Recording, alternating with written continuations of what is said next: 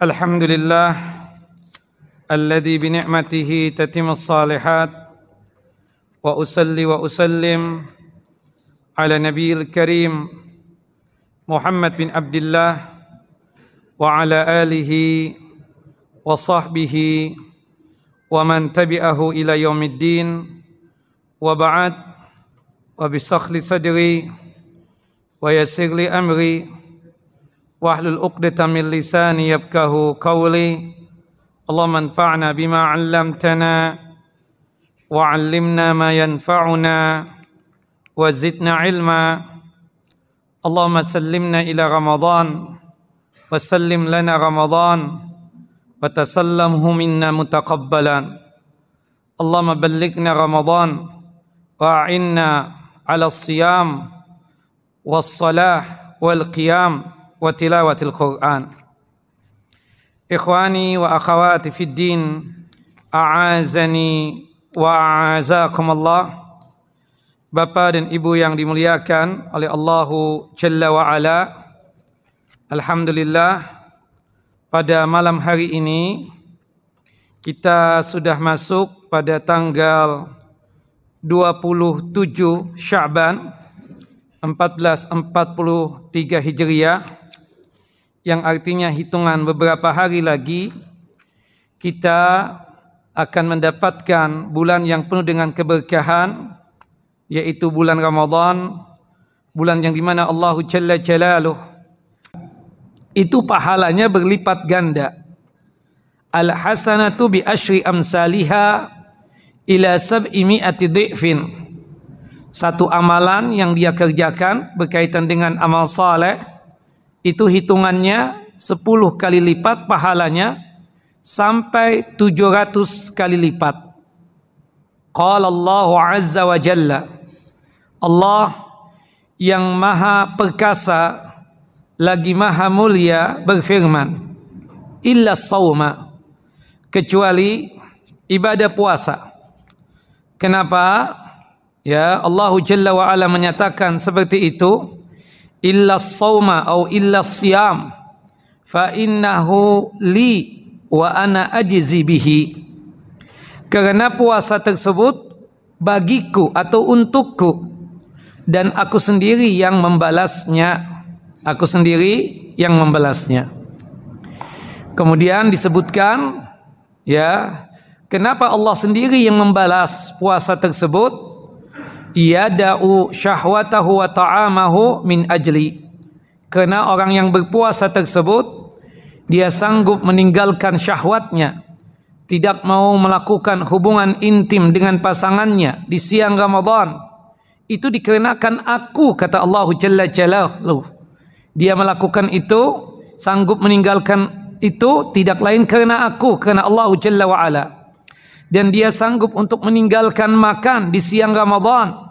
Yaitu pun juga dikenakanku. Lillahi taala. Walisaim farhatan. Orang yang berpuasa tersebut memiliki dua kebahagiaan. Farhatun inda fitrihi. Pertama kebahagiaan yang didapatkan pada saat berbuka puasa. Wa farhatun inda liqa'i rabbih dan kebahagiaan yang kedua adalah kebahagiaan pada saat berjumpa dengan Allah Jalla Jalaluh sebagai Rabb dan Tuhannya. Wala khulufu fammis saimi atyabu indallahi min rihil misik. Dan sungguh bau mulutnya orang yang berpuasa itu lebih wangi di sisi Allah Jalla wa ala ketimbang minyak kasturi. Hadis ini sahih dikeluarkan oleh Al-Imam Al-Bukhari di dalam kitab sahih beliau pada nomor hadis 1805 dan hadis ini juga dikeluarkan oleh Al-Imam Muslim dalam kitab sahih beliau pada nomor hadis 1000 ya 151 kita bacakan satu persatu dari apa yang disampaikan oleh Allah Jalla Jalalu di dalam hadis Qudsi ini. Dan disebutkan lagi di dalam hadis yang lain, hadis Qudsi yang dikeluarkan oleh Al-Imam At-Tirmidzi dalam kitab Sunan beliau pada nomor hadis 700 An Abi Hurairah radhiyallahu anhu qal dari sahabat yang mulia Abu Hurairah semoga Allah Jalla wa ala meridai beliau. Qala berkata qala Rasulullah sallallahu alaihi wasallam.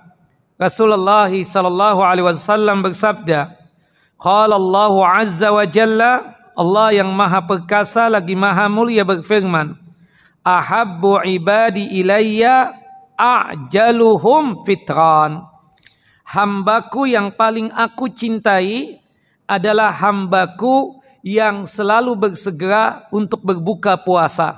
Artinya ketika tenggelam matahari, di situ waktu berbuka puasanya seorang hamba yang berpuasa, dia segerakan berbuka puasa pas waktu tenggelam matahari tersebut maka hamba itu mendapatkan kecintaan dari Allahu Jalla Jalalu. Naam. Kita jelaskan maksud daripada hadis qudsi ini. Yang pertama disebutkan oleh Syekh Abdullah bin Saleh Al-Fauzan. Kata beliau, hafizahullah, al-hadisu dalilun ala fadli siyami wa azimi manzilatihi indallahi ta'ala. Hadis ini menunjukkan keutamaan puasa dan agungnya kedudukan puasa di sisi Allah Ta'ala.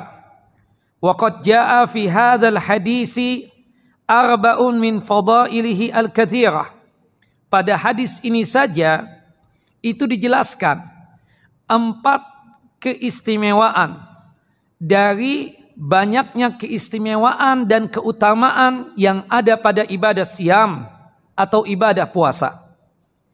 Yang pertama dari hadis ini keutamaan dan keistimewaan berpuasa an-nasaima an-nasaimina an-nasaimina yuwaffawna ujurahum bighairi hisab.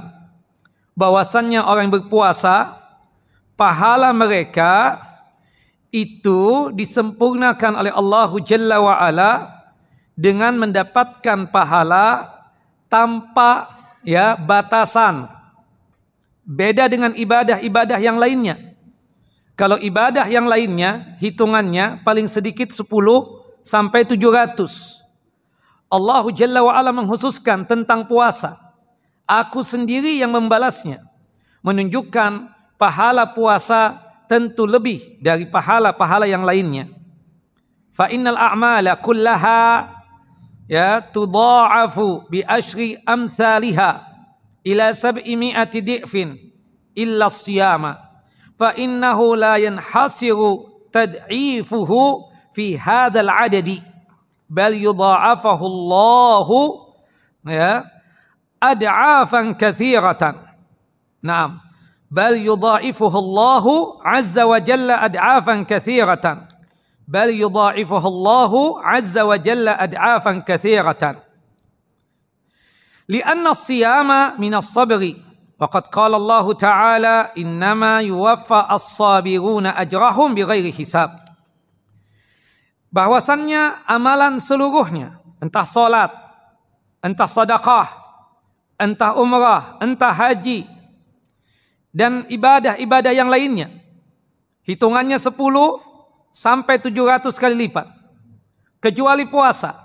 Sesungguhnya pahala ibadah siam atau ibadah puasa tidak ada batasan kelipatan hitungannya. Bahkan bal yudha'ifuhullahu ad'afan katsiratan. Bahkan limited tanpa batasan lipatan gandanya.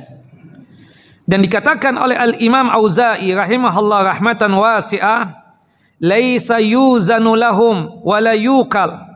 Timbangan pahalanya itu bukan timbangan sebagaimana mafhumnya dan bukan takaran sebagai mafhumnya. Innama yughrafu lahum ghaufan. Sesungguhnya pahala yang didapatkan itu luar biasa banyaknya. Dari hadis ini juga yang kedua ilmu yang kita bisa dapatkan Allah taala adhafa as-sawma ila nafsihi min baini sa'iril a'mal keistimewaan dan keutamaan ibadah puasa ini Allahu Jalla wa ala atau Allahu Ta'ala itu menyandingkan atau menyandarkan puasa ini kepada zatnya Allahu Jalla wa ala dibandingkan dengan amalan-amalan yang lainnya. Wahada wallahu alam yang ini ya hanya Allahu Jalla wa ala yang maha mengetahui.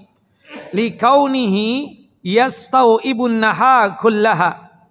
Fayajidu as-saimu faqda syahwatihi wa tatawwaku nafsuhu ilaiha. Karena kedudukan ibadah puasa itu mencakup seluruh siang seluruhnya. Dari subuh sampai maghrib melaksanakan ibadah. Ibadah apa? Puasa yang di mana kita dapatkan orang berpuasa tersebut ya itu meninggalkan syahwatnya seperti orang yang kehilangan syahwatnya dan dia tersebut betul-betul menundukkan jiwa raganya. La siyama fi nahari sayfi litulihi wa shiddati harrihi. Apalagi kalau musimnya musim panas. Di siangnya luar biasa panasnya. Ya. Dan subhanallah panjangnya juga begitu. Kalau antum hidup di negeri kafir. Kan ada empat musim. Ada musim panas, samar, ada winter musim dingin, kemudian spring itu ya musim apa? Semi ya. Kemudian satu sisi apa? Musim gugur itu. Nah, itu antum kalau mendapatkan musim panas, panjangnya waktunya luar biasa. Salat maghrib saja jam 8. Jam 8, hitungan jam 8 malam. Untuk isyanya, subhanallah jam 10 malam. Saya pernah mendapatkan itu ketika di Australia. Ya, Bayangkan kalau puasa itu terjadi di musim panas. Kita ini syukur di negeri yang cuma dua musim. Ya, musim hujan dan musim kemarau. Dan waktu berpuasanya kita itu hitungannya berapa jam? 11 jam atau 12 jam. Subhanallah, yang musim panas ya kita nggak pernah dapatkan. Cuma kita merasakan bahwasannya musim panas kalau hitungan subuhnya itu jam 4 pagi, dan maghribnya jam 8 malam, berapa jam itu? Subhanallah. Pernah juga ada berapa? 14 jam. Subhanallah, itu mungkin masih kuat ya. Di Rusia ya, di negara-negara Eropa itu kalau musim panas, itu menurut informasi dari teman yang di situ bisa sampai 19 jam atau 20 jam. Kan ada yang sampai 21 jam. Allahu Akbar. Nah di sinilah Allah Jalla wa'ala menyandarkan puasa tersebut kepada zatnya Allah Jalla Jalalu kepada dirinya tidak lain menunjukkan keistimewaan daripada puasa tersebut karena puasa ibadah yang kita lakukan sepanjang hari beda dengan sholat sholat maghrib paling hitungan berapa menit tadi 15 menit lah anggap isya juga begitu subuh juga ya paling bantai 20 menit lah kalau subuh kalau misalnya imamnya baca ayat yang panjang juga kan? Seperti itu. Artinya hitungannya sangat sebentar sekali. Tapi kalau puasa sepanjang hari. Inilah yang membuat Allah Jalla Jalaluh menyandarkan puasa tersebut kepada Allahu Jalla wa'ala. Dan kita tidak tahu balasan pahalanya. Wali anna siyama sirrun bainal abdi wa rabbih. Karena ibadah siam ini adalah rahasia antara seorang hamba dengan Tuhannya. Anda nggak tahu kalau antum itu puasa atau tidak. Antum bisa saja berbuka kan? Antum bawa makanan ke kamar mandi, makan di kamar mandi. Keluar dari kamar mandi bukannya lemes. Ya, subhanallah. Antum ketika melihat kita, mungkin biasa-biasa saja. Atau mungkin dilemes-lemesin, bisa aja kan? Karena itu rahasia antum kepada Allah Jalla Jalaluh. Ya, Subhanallah, yang tahu antum berpuasa diri antum dan Allah Jalla wa ala. Sedangkan kita, subhanallah, kita nggak bisa menilai orang. Mungkin kita cuma husnudon saja, si fulan berpuasa. Bukan begitu? Naam. Makanya dulu ada orang-orang di masa remajanya itu ketika ditanya oleh orang tuanya masih puasa nggak nak? Oh puasa dong. Padahal tadi di sekolahan buka ya kan? Seperti itu. Nauzubillah summa nauzubillah. Naam. La yutalli'u alaihi illallahu ta'ala. Tidak ada yang tahu dia puasa atau tidak kecuali Allah Jalla wa ala. Fahuwa amalun batinun. Karena puasa itu adalah amalan batin. Hanya dirinya yang tahu dan Allah Jalla wa ala. La yarahu al-khalqu. Makhluk nggak tahu dia puasa atau tidak. Naam. Subhanallah. Wala yudkhiluhu riya. Subhanallah. Cuma ada satu-satunya ibadah yang penyakit ria dan sum'ah nggak masuk. Ibadah apa? Ibadah puasa. Kalau sholat bisa masuk. Baca Quran bisa masuk nih kita ria. Kajian, ikut pengajian, atau ustadz yang menyampaikan kajian bisa masuk ke penyakit ria. Sedekah juga begitu. Tapi kalau ibadah puasa nggak bisa dimasuki penyakit ria. Mau ria apa dia? Subhanallah, orang bisa saja melihat kondisi dia lemah, oh mungkin lagi capek aja. Kan begitu. Subhanallah. Jadi kita katakan nggak masuk ya. Paling dia ngomong, anak puasa Senin Kemis, anak puasa tiga hari setiap bulan. Tapi itu berat banget untuk menarik dirinya untuk menjadi seseorang yang show off di hadapan orang lain. Ya, suka berpuasa enggak. Makanya inilah satu-satunya ibadah yang tidak bisa dimasuki oleh penyakit ria. Yaitu ibadah siap. Nah, sedangkan ibadah-ibadah yang lainnya rata-rata mudah dimasuki oleh penyakit ria dan sum'ah. Nah, Kemudian yang ketiga, ikhwan wa, wa akhawati fid din, a'azani wa azakumullah, Bapak dan Ibu yang dimuliakan oleh Allahu Jalla wa ala. Majlis Ta'lim Masjid Al-Azhar, Cempaka Putih yang sedang dalam lindungan dan penjagaan Allahu Jalla wa ala. As-salisatu ya keistimewaan dan keutamaan yang ketiga dari hadis ini adalah berkaitan tentang ibadah siam, ibadah puasa. Anna saima idza laqiya rabbahu fariha bi saumihi wa lima yarahu min jazaihi wa sawabihi. Wa tarattu bi al jazai alaihi bil biqubuli saumihi alladhi waffaqahu Allahu lahu. Bahwasannya orang yang berpuasa itu ketika berjumpa dengan Tuhannya Allah Jalla wa ala sangat senang dikenakan mereka membawa ibadah saum, ibadah puasa di hadapan Allah Jalla wa ala. Sangat berbahagia ketika berjumpa dengan Allah Jalla wa ala sambil membawa pahala ibadah saum atau ibadah puasa. Yang demikian kenapa dia berbahagia? Karena Allah tunjukkan pahala puasa yang dia dapatkan, yang dia lakukan selama hidup di muka bumi ini dan balasannya tersebut tidak lain dikarenakan Allah Jalla wa ala menerima puasa yang dia kerjakan sesuai dengan petunjuk dan hidayah Allah Jalla wa ala. Dan kebahagiaan ketika di dunia yang dia dapatkan bagi kita yang berpuasa ini wa amma parhatuhu inda fitrihi ya dia berbahagia dikarenakan berbuka puasa. Kenapa mesti berbahagia? Orang yang berbuka puasa tersebut fal tamamu ibadatihi. Dikarenakan dia sempurna melaksanakan ibadahnya. Wasalamatuha minal mufsidat. Dan dia selamat dari hal-hal yang merusak dan membatalkan ibadah puasanya. Wa husulu ma muni'a minhu mimma yuwafiqu tabi'atahu. Dan dia telah mendapatkan yang tadinya sesuatu yang terlarang sekarang sudah dia dapatkan menjadi halal lagi ketika sudah tenggelam matahari. Istrinya yang tadinya haram buat dia untuk dia gauli selama di siang Ramadan atau di siang ketika dia berpuasa itu dari subuh sampai maghrib subhanallah ketika masuknya eh, apa tenggelamnya matahari atau masuknya maghrib dia berbuka puasa di situlah dia merasa senang apa yang tadinya terlarang sudah dia dapatkan lagi kehalalannya sesuai dengan tabiat dan wataknya menyukai hal itu. Siapa di antara bapak dan ibu yang gak suka makan dan minum?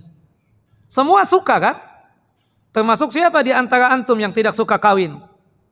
Yang tidak mau melakukan hubungan intim itu? Ah, kelainan.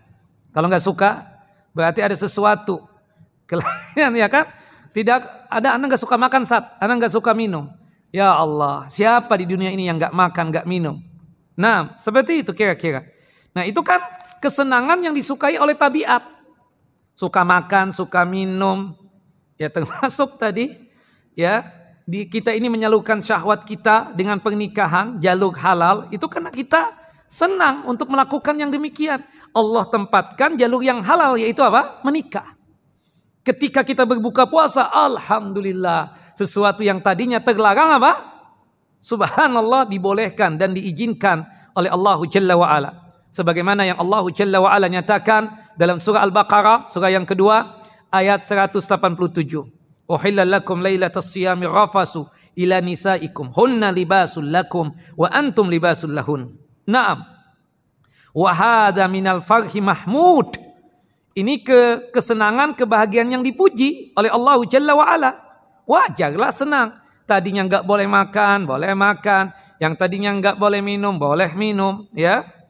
Li'annahu farhun bi ta'atillah wa tamami saumihi al-mau'udi alaihi sawabul jazil. Karena dia berbahagia, sanggup untuk mentaati Allah Jalla wa'ala dengan mensempurnakan puasanya dan dia dijanjikan dengan pahala yang besar. Naam. Kemudian ikhwan wa akhwati fid din a'azani wa a'azakumullah.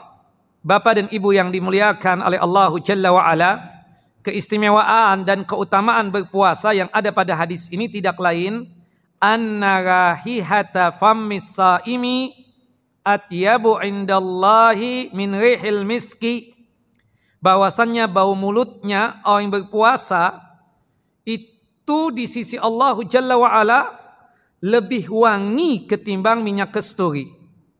Wahadat ya tayyibu yakunu yaumul qiyamah. Dan bau wangi ini kita dapatkan nanti kapan? Di hari kiamat kelak. Ya, li'annal waqt li'annahu al-waqtul ladzi yadharu fihi sawabul a'mal.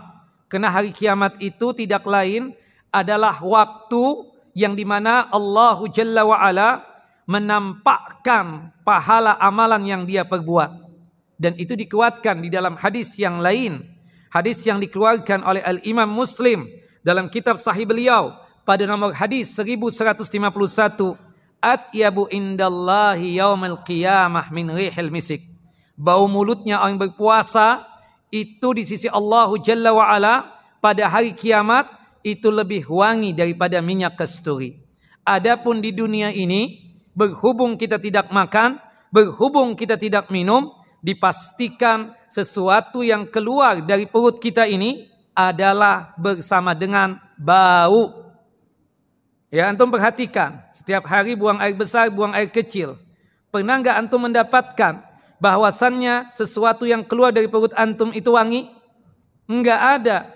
Meskipun antum yang punya kekayaan, duitnya itu kayak tisu, comot ada lagi, comot ada lagi. Ketika antum memasuki bekas dia pakai tadi itu kamar mandi, sama juga Ustaz, bau juga. Iya kan? Termasuk keluar yang ada di mulut. Bau, sesuatu yang keluar dari mulut ini apa? Bau, apalagi nggak makan, nggak minum. Subhanallah, itu kan keluar aroma-aroma yang ngeri-ngeri sedap itu. Makanya menurut saya sih ya, salah satu hikmah adanya wabah corona ini, ini menurut saya, antum mulai sadar dengan antum pakai masker seperti ini, apa yang diomongkan oleh orang bahwasannya ada keluar aroma-aroma yang tidak sedap dari mulut antum. Tadinya antum kan menolak, masa sih anda bau? Enggak.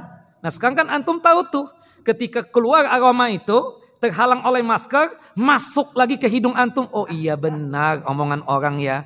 Selama ini memang ana bau mulut. Nah, di sini kita harus fokus.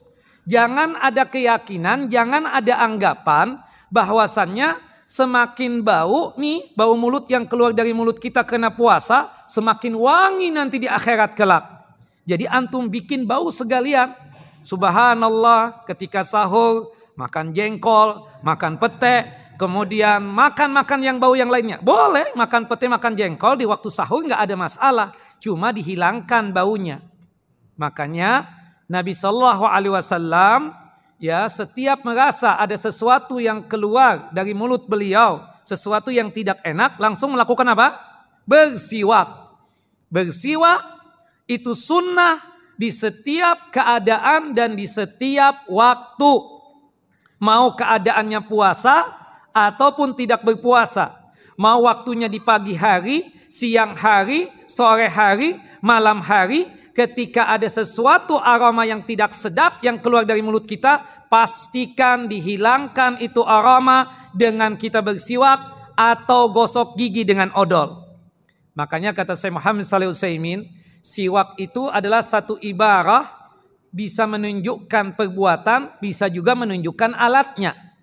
Kalau kita katakan sunnah bersiwak, maksudnya di situ adalah perbuatannya. Yang kalau dalam bahasa Arab disebutnya atasawuk. Tapi kalau misalnya bersihkan dong siwak antum, berarti menunjukkan itu alatnya. Namanya miswak. Seperti itu. Dan kata Syekh Muhammad Salih Utsaimin, bersiwak itu alatnya apa pun dibolehkan.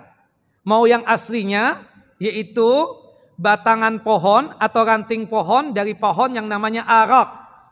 Yang kita lihat ya banyak ya di toko-toko oleh-oleh haji itu. Ya, yang kadang di antara antum bawa tuh ke masjid ini. Atau kata beliau, ya, dengan sapu tangan sekalipun, ya, antum gosok-gosokkan sapu tangan atau tisu ke gigi antum, itu pun juga disebut dengan bersiwak. Atau ketika wudhu, antum gak bawa siwak, antum gak bawa ya sapu tangan atau tisu. Antum gosokkan telunjuk antum ini ke gigi antum, itu pun juga dia termasuk bersiwak kata Syekh Muhammad Saleh Utsaimin. Apalagi dengan gosok gigi dengan odol. Ya, itu lebih menguatkan lagi atau kumur-kumur dengan obat apa? Kumur-kumur uh, obat pewangi itu. Pewangi mulut itu, ya kan? Seperti itu. Kita nggak boleh menyebut merek di sini karena nanti dia bayar sama kita kan seperti itu. Nah, walhasil ikhwan wa akhawati fid din a'azani wa azakumullah pastikan ya keadaan antum puasa atau tidak puasa. Ada sesuatu aroma yang tidak sedap yang keluar dari mulut antum, hilangkan itu bau mulut. Hatta keadaan antum puasa, antum kan sudah tahu. Dengan hadis ini menunjukkan memang kondisi orang yang berpuasa itu berhubung dia tidak makan, berhubung dia tidak minum, pastinya apa? Bau. Makanya di sini kita katakan ketika kita merasa ya mengeluarkan aroma yang tidak sedap dari mulut kita ketika kondisi berpuasa, tolong dong gosok gigi dengan odol, tolong dong bersiwak mau di pagi, mau di siang, mau di sore, ya hilangkan itu bebauan. Adapun hadis Nabi SAW dari Ali bin Abi Talib radhiyallahu an semoga Allah Jalla wa ala meridha beliau anna Nabi sallallahu alaihi wasallam qaal bahwasanya Nabi sallallahu alaihi wasallam bersabda idza sumtum pastaku bil ghadah. Apabila kalian berpuasa maka bersiwaknya di pagi hari saja.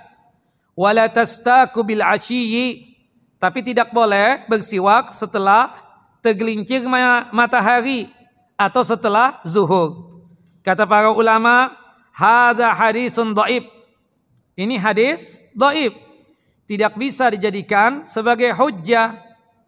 Gosok gigi dengan odol itu tidaklah membatalkan ibadah siam, ibadah puasa. Perlu diketahui ikhwan wa akhwati fid din a'azani wa a'azakumullah yang sepakat yang membatalkan ibadah puasa itu cuma tiga, ditambah satu dari pendapat mayoritas ulama.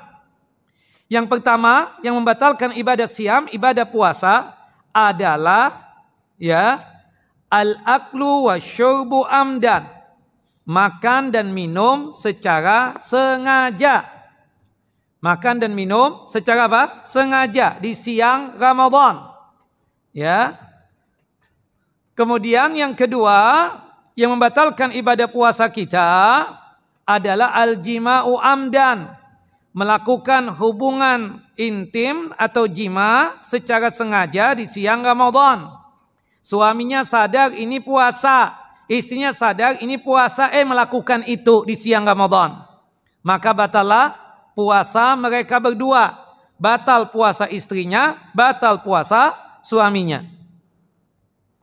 Kemudian yang ketiga yang membatalkan ibadah siam dan ibadah puasa yang juga ini sepakat para ulama adalah al-haidu wan nifas. Haid dan nifas. Haid dan nifas itu membatalkan ibadah siam.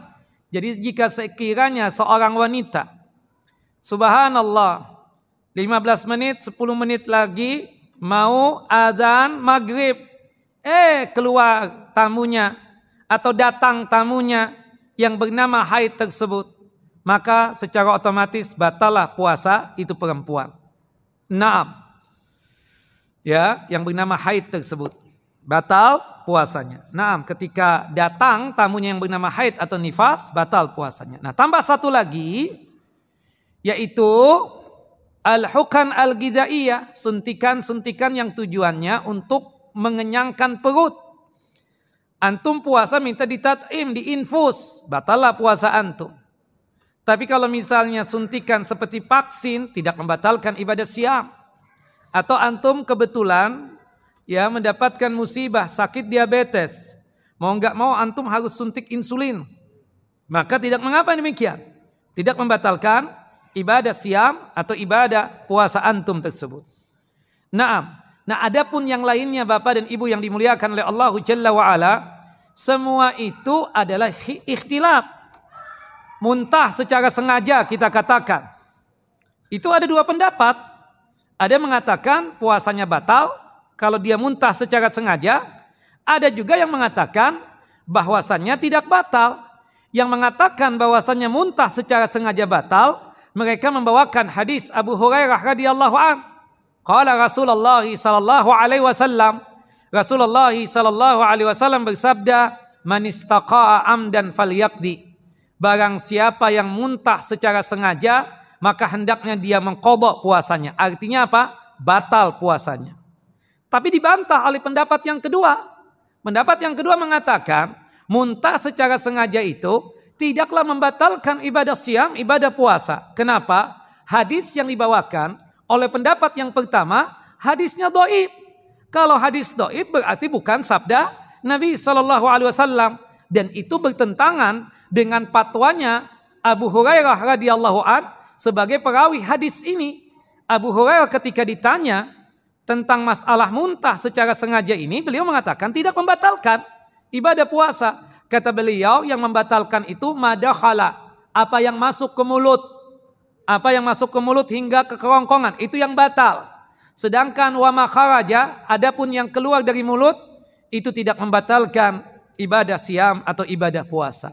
Nah, jadi kesimpulannya kita itu kan dianjurkan untuk apa? Untuk menghilangkan bebauan, jadi kalau antum misalnya ketika puasa nggak mau gosok gigi, berarti antum itu menyelisihi sunnah Nabi SAW, tidak mau untuk bersiwak.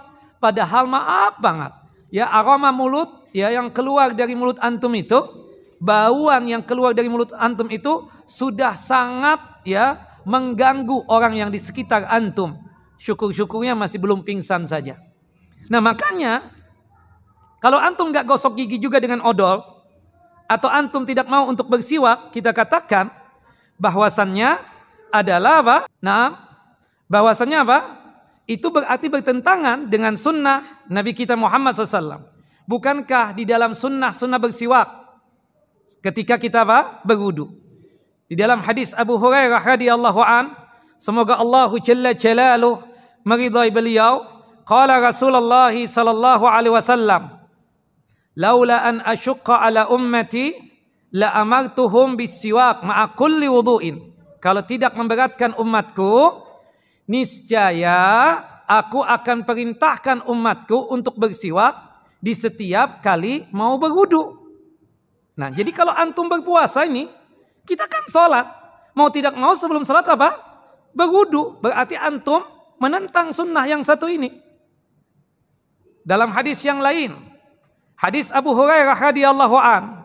Semoga Allah Jalla Jalaluh meridai beliau. Qala Rasulullah sallallahu alaihi wasallam. Rasulullah sallallahu alaihi wasallam bersabda, "Laula an asyqa ala ummati la amartuhum bis-siwak inda kulli salatin."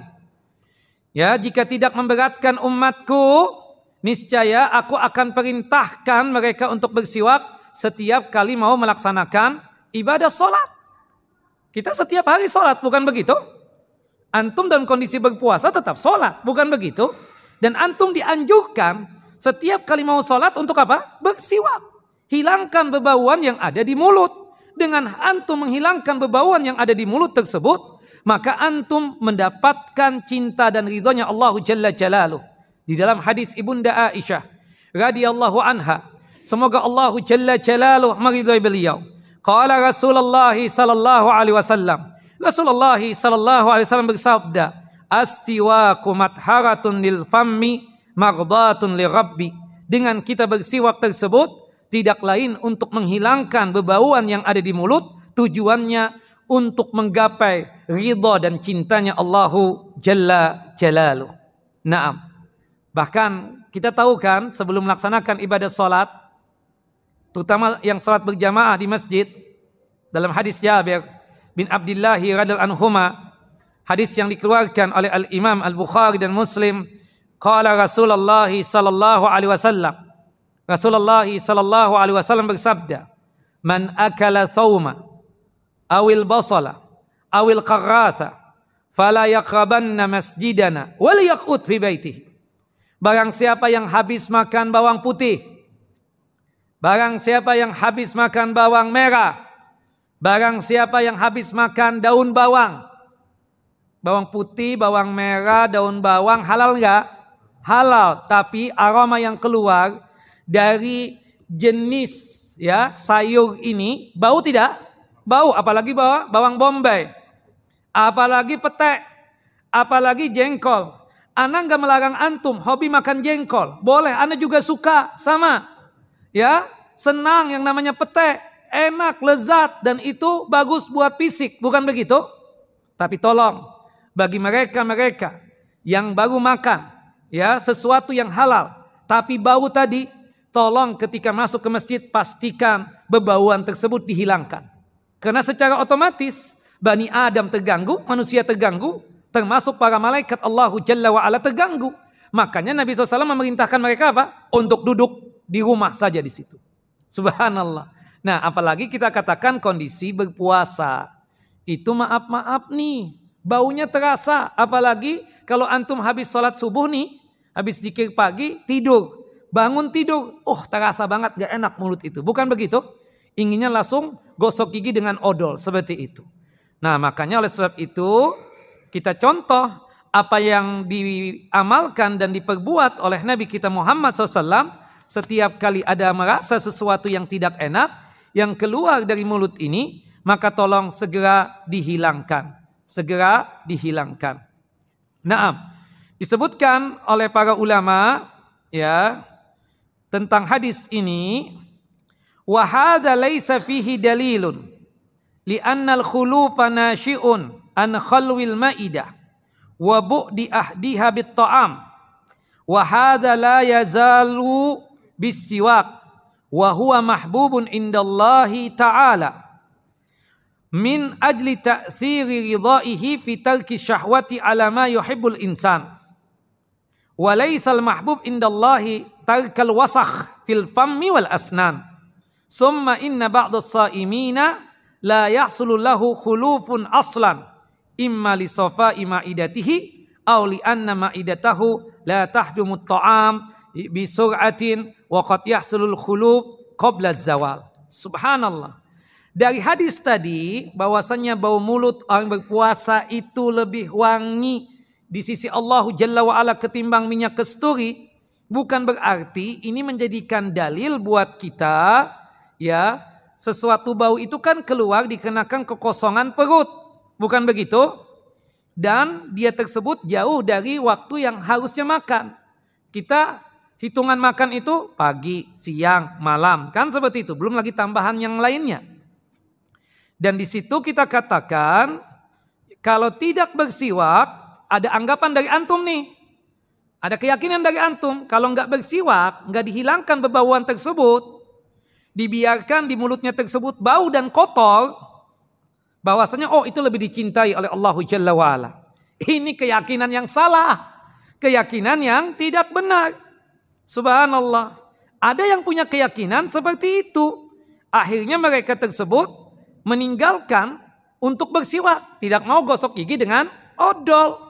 Dengan alasan kata mereka, sesuatu yang dicintai oleh Allah Jalla wa'ala kalau kotorannya itu ada di mulut atau bebauannya ada di mulut. Dari mana berdasarkan hujah ini? Nggak ada disebutkan di situ. Allah Jalla wa'ala memberikan kabar gembira nanti di akhirat kelak. Kita yang berpuasa ini, berhubung ini perut kosong, mengeluarkan angin-angin yang keluar dari mulut sehingga membuat sesuatu yang keluar dari mulut itu pastinya apa? Bau. Maka oleh sebab itu hilangkanlah bebauan tersebut. Jangan sampai juga ada anggapan dan keyakinan kalau nggak terasa bau berarti nggak dapat pahalanya nanti di sisi Allah. Nanti di akhirat kata mereka nggak wangi. Jadi kalau kita nih menjaga selalu nih gosok gigi dengan odol atau pakai obat kumur-kumur itu atau dengan bersiwak secara umumnya sehingga membuat yang keluar dari mulut kita ini aroma yang masya Allah harum selalu.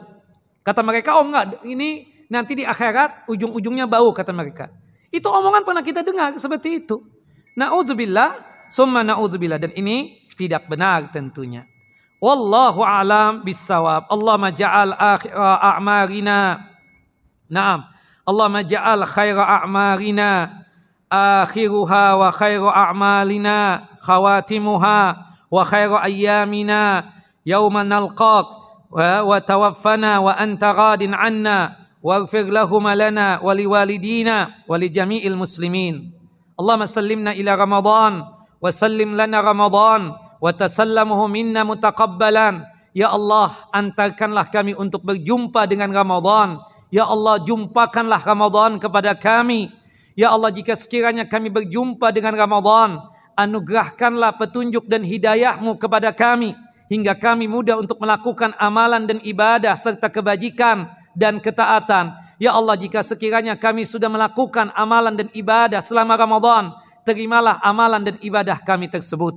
Allahumma sallimna ila Ramadan wa sallim lana Ramadan wa tasallahu minna mutaqabbalan. Allahumma ballighna Ramadan, Allahumma ballighna Ramadan, Allahumma ballighna Ramadan wa a'inna ala siyam was salah wal qiyam wa tilawatil Quran. Ya Allah, ya Rahman, ya Rahim, sampaikanlah kami untuk berjumpa dengan Ramadan. Ya Allah, tolonglah kami. Berikanlah petunjukmu kepada kami hingga kami mudah untuk melaksanakan ibadah siam Ramadan, melaksanakan ibadah salat, menghidupkan malam dengan ibadah salat malam dan sanggup untuk selalu tilawatul Quran atau membaca Al-Quran. Wa sallallahu ala nabiyina Muhammad wa ala ali Muhammad kama sallaita ala Ibrahim wa ala ali Ibrahim innaka Hamidun Majid. Allahumma barik ala Muhammad wa ala ali Muhammad kama barakta ala Ibrahim wa ala ali Ibrahim innaka Hamidun Majid. Insyaallah kita berjumpa di kajian kita ini setelah Ramadan, setelah Idul Fitri. Wassallallahu ala nabiyina Muhammad wa ala ali Muhammad. Subhanakallahumma wa bihamdika asyhadu an la ilaha illa anta astaghfiruka wa atubu ilaik. Wassalamualaikum warahmatullahi wabarakatuh.